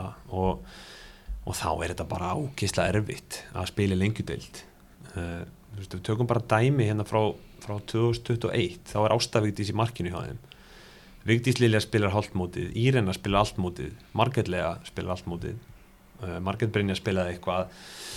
Og Birna Kristín, Hildur Lilja þú veist, mm -hmm. þetta eru stelpur sem uh, voru þá kannski 2003 og 2004 og 2005 það er þá eins og 5, 6 og 7 í dag. Það voru eiginlega bara það var 1 2004, 2 2005 og, og já, ég held að það myndi falli fyrra uh, en gerðu alveg sjúklaði velið að, að hérna, halda haugum og fjölni fyrir neða sig en, en núna var þetta eiginlega bara svona óumflíjanlegt og, og, og þetta leiðilegt fyrir þeirra að þetta hafi einhvern veginn orðið svona orðið svona ljótt sko mm -hmm. um, og nú þetta munu blikar eins og önnur stórfélög tala um það að það þurfa að vera þá að vera með bíenlið eða, eða rým, rýmri reglur því að, því að þetta sé bara ekki gott fyrir neitt og eitthvað svona um, en, en já, þetta var, ég held að þetta sé svona kannski aðal ástæðan fyrir þetta fer svona hjá, hjá augnablík í, í, í sumar Já, en hvað með þú veist, konseptið, nú faraða niður í aðradeild, hitta þar vinkonu sínar í smára, Hva, hvað þýðir þetta? Verður það bara nakkrifist einmitt á ástingi eins og kemur inn á um hvernig hérna sé þetta útfæra mótin og annan hátt eða Já, þetta er náttúrulega sagan endalösa sko og, og ég veit þekk ekki, ég þekk ekki smára nógu vel hvort að það sé eitthvað svona tilrönd sem maður kannski mun ekki halda áfram eða eitthvað sem maður sé komið til að vera, ég, ég veit það ekki. En, en núna náttúrulega kannski er að fara, nú verður það held ég öll á venslaliðin í, í annari deild. Og nei, vá, ég get ekki ég, ég get ekki fara að nýð þáttur. fara, já, þetta er, þetta er allt annar þáttur og, og, og allt önnur umræða sko, því að það þarf að það er alveg ljóst að það þarf að finna einhverja laust og einhverja laust sem að allir geta sætt sér við sko. ég finnst oft stóru félagin hafa einhvern veginn oft farið fram og, og, og gert í rauninu þau mistök að pæla ekkert í því og þau þurfa að hafa minni félagin með sér sko, sem eru mjög híkandi mm. um, en, en já það, það þarf að ræða þetta í enneitt skiptið og, og vonandi komast að hérna, komast að, að einhverju niðurstöð og kannski er þetta tímapunktur þegar öll liðin er í sumudeld, ég veit ekki Getur verið. Kjartan Stefánsson, hann ætlar að þjála liðið mjög stert hjá blikunum frábæk kennari góður með unga leikmenn menna það er í flottum höndum og já, það er ekki bara áhugavert að sjá líka verður líðið ennþá yngra þá næsta ári annar dild eða, eða, eða hvað? Ég vona ekki, ég held að, að það sé, sé hérna, þeir eru svona kannski kannski ef við tökum þessar hérna 2004 og 2005 stelpur út fyrir sig þá held ég að væri og kannski herti sér markmann þá held ég að vera bara, er þið ljómandi fyrir að þeirra að fá aftur að spila mestalós hérna, tímobil og, og það þá í, í annar deild og, og hérna það er svona mín skoðun allavega á, á, á málunu mm -hmm. uh, en uh, en já, mjög gott að fyrir þeirra að hafa, hafa fengið fengi kjartan og, og það verður bara þetta gerir bara aðra deildina spennandi á, á, á næsta ári. Nó að ungum og efnilegum þar í sumar þannig að hérna Já.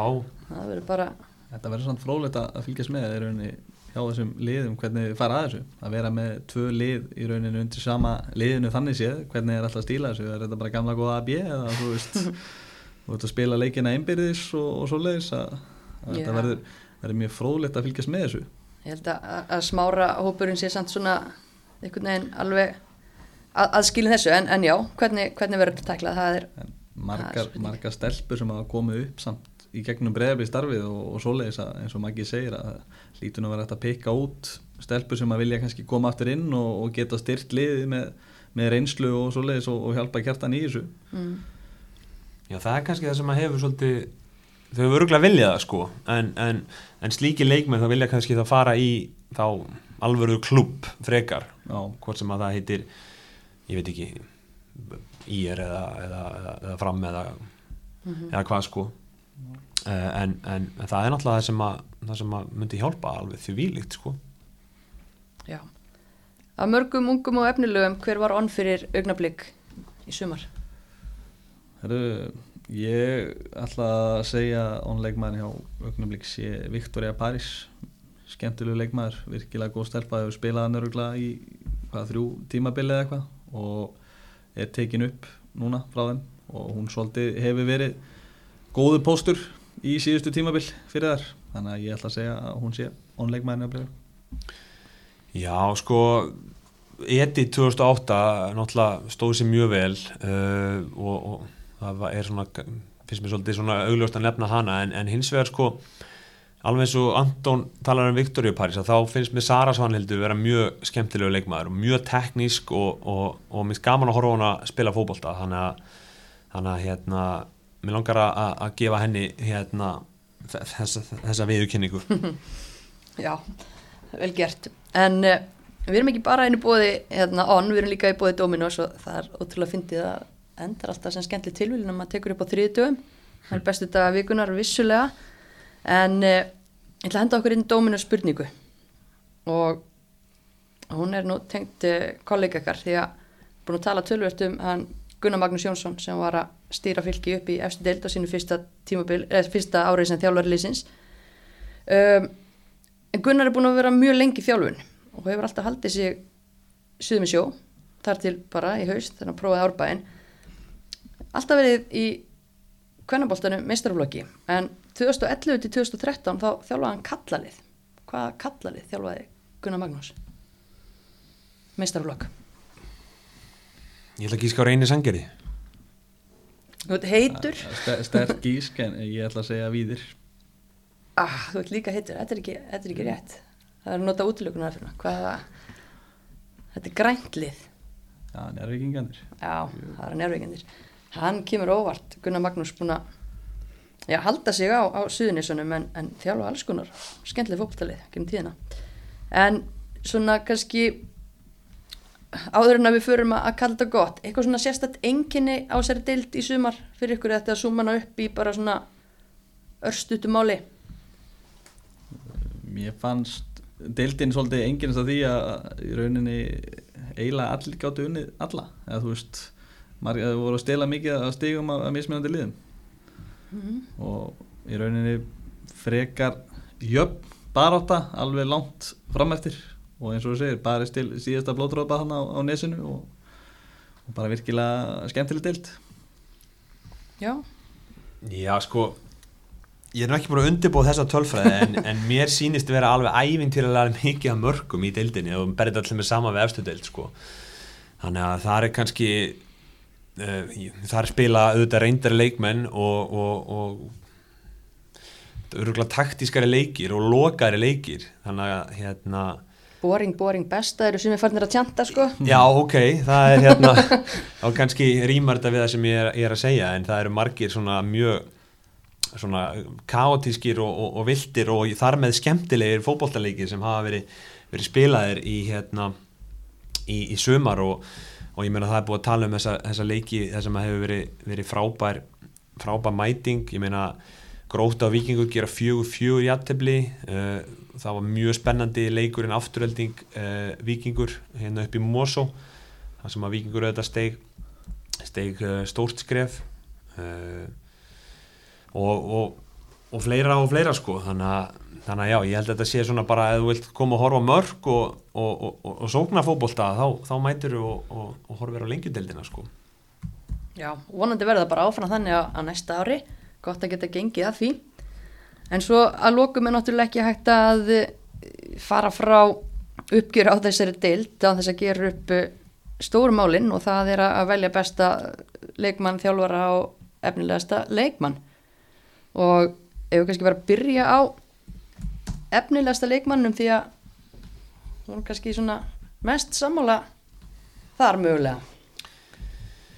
Já, sko og svona aðeins til að tala áfram að tala um deildina þá, þá sko þá held ég að það hafi oftar verið fleiri svona ungi leikmenn að slá í gegn. Um, nú veit ég ekki hvort það er, það er tilviljun eða, eða hvað en, en hérna það er kannski ekki langur, langur listin af, af svona 15-19 ára sem að, sem að voru að, að gera sig gera sig gildandi heldur. Við höfum svona uh, minnst á þær minnst á þær líklega uh, líklega flestar sko. Þannig að það er vonandi verða að örlítið fleiri á, á næsta ári. Já, klárt. En ef við opinbera val heimavallarins á efnilegasta leikmanni lengi deildarinn er 2023 Anton, viltu henda í Já, ég skal Sjálft. ofinbera það. Það er hún Sigdís í Viking, virkilega upplugt sísón hjá henni og virkilega lofandi leikmaður bara fyrir Íslandsönd. algjörlega fekk kallið í U19 hérna kortir í, í lokamót þar og gerði vel þar slóði gegn í byggarnum frábæri deildinni bara vel að þessu komin Já, ég held sko að, að það sem að uh, ég held að byggar ævintýri vikinga þetta svona smitist inn í, í það sem við erum að hugsa hérna varðandi, varðandi lengjudeildina og, og, og, og þar var Sigdís auðvitað frábær en ekki það að það hafi verið slæmt að skora áttamörk í, í 15 leikjum í, í lengjudeildinni. Og, og það var alveg svona fólk sem var að reyka upp stóru augu hvað það væri, væri verið að taka yngri leikmann úr neðri deild inn í U19 en ég held að hún hefði vel sínt það í þessum leikjum að hún átti alveg, alveg erindi í, í það. Þannig að já, ég held að sé viðíandi að, að, að hún fái, fái þennan titil eftir bara, eftir bara glæsilegt ár í raun og veru og vonandi heldur hún bara áfram með þessari braut Einmitt, og svo, svo gaman að hérna, heyra hann í viðtölum, bara já, ég er búin að vera að æfa þetta sinni í fjóraflokki, ég ætla bara að halda áfram að æfa þetta, þá er ég búin að mastera þetta, þú veist, áhugin er hérna og metnaðurinn 100%. Já, virkar jarðbundin líka, mun hjálpa henni. Með hjálpunni, klárt. En eh, besti leikmaðurinn, og við vorum svolítið að ræða það, Já, vorum við búin að ákveða það? já, það er svona, þurfum kannski bara að rífast, en, en við köstuðum út hérna, eða þú veist, ég bara þreifaði fyrir mér, talaði við fullt af fólki tengt deildinni og, og hérna það voru opbóslega marga tilnefningar, bara svo við orðum það þannig og, og greinlega fullt af leikmunum að eiga hörku gott sumar